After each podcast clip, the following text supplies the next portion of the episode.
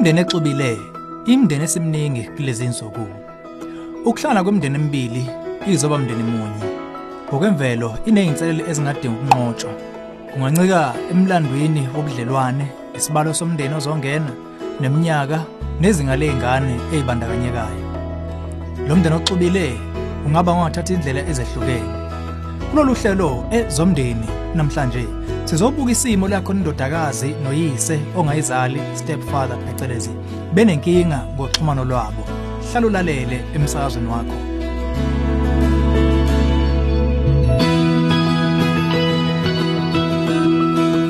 Angithatha ithuba ngubingelele.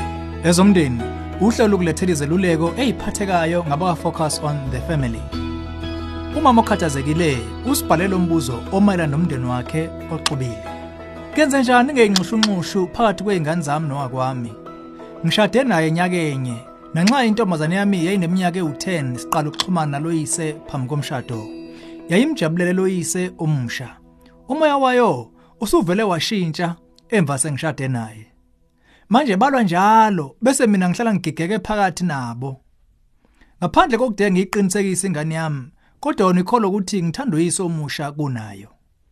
Iyakukhumbula futhi ukulala nami embhedeni sisobabili nayo. Ninazi zeluleko kumbe izinkuthazo kimi? Udaba oluchazayo luvamisile emndenini eyingxube evange.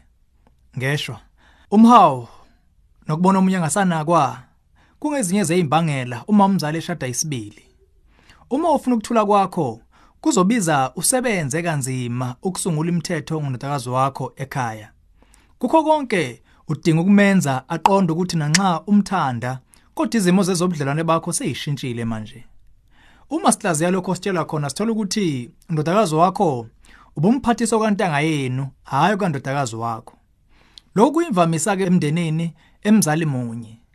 Kulula kumama ongayedwana kuba abuke ingane yakhe njengomngane nesifuba sakhe umthombo wenduduzo emzweni yenhliziyo ukuze avale isikhala sowakwakhe owamshiya dengwane. Okokuthi undodakazi wakho ubulala naye embhedeni wakho kuyinkomba yalenkinga. Usubhene ngwadla manje.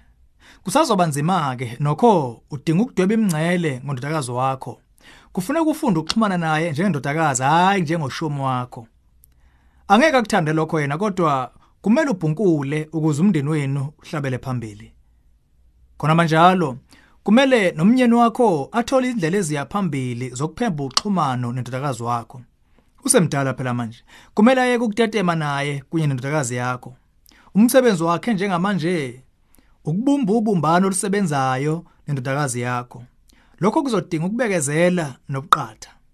Kusemqoko nokho uqonda ukuthi ngokwezinga lamanje akakamele kube nguye umkhwena wakho ozoqondisa igwegwe lo msebenzi kumele uwele emahlombe akho lo msebenzi ungumgudu okusungula umndeni omusha ngokwamaqhaza nemithetho undodakazi wakho kufuneka ukuthi inguquko ezisendleleni ukuzona ngamandla akho onke nawe kodwa uma ikholwa ukuthi nguyise omusha oyimbangela yazo lezi inguquko izodonsa inyawo Siyazi kusazoba nzima kuwe, kodwa kusamele ume naye umkhwena wakho uma idlubulundela indodakazi. Uma uyivumela iphathe imizwa yakho nokwenza ube necala. Kunamathuba amaningi niyophethela enkantolo yezahlukaniso nomnyeni wakho omusha. Sikhuthaza impela ukuthi uthole ululeko lwendodakazi yakho.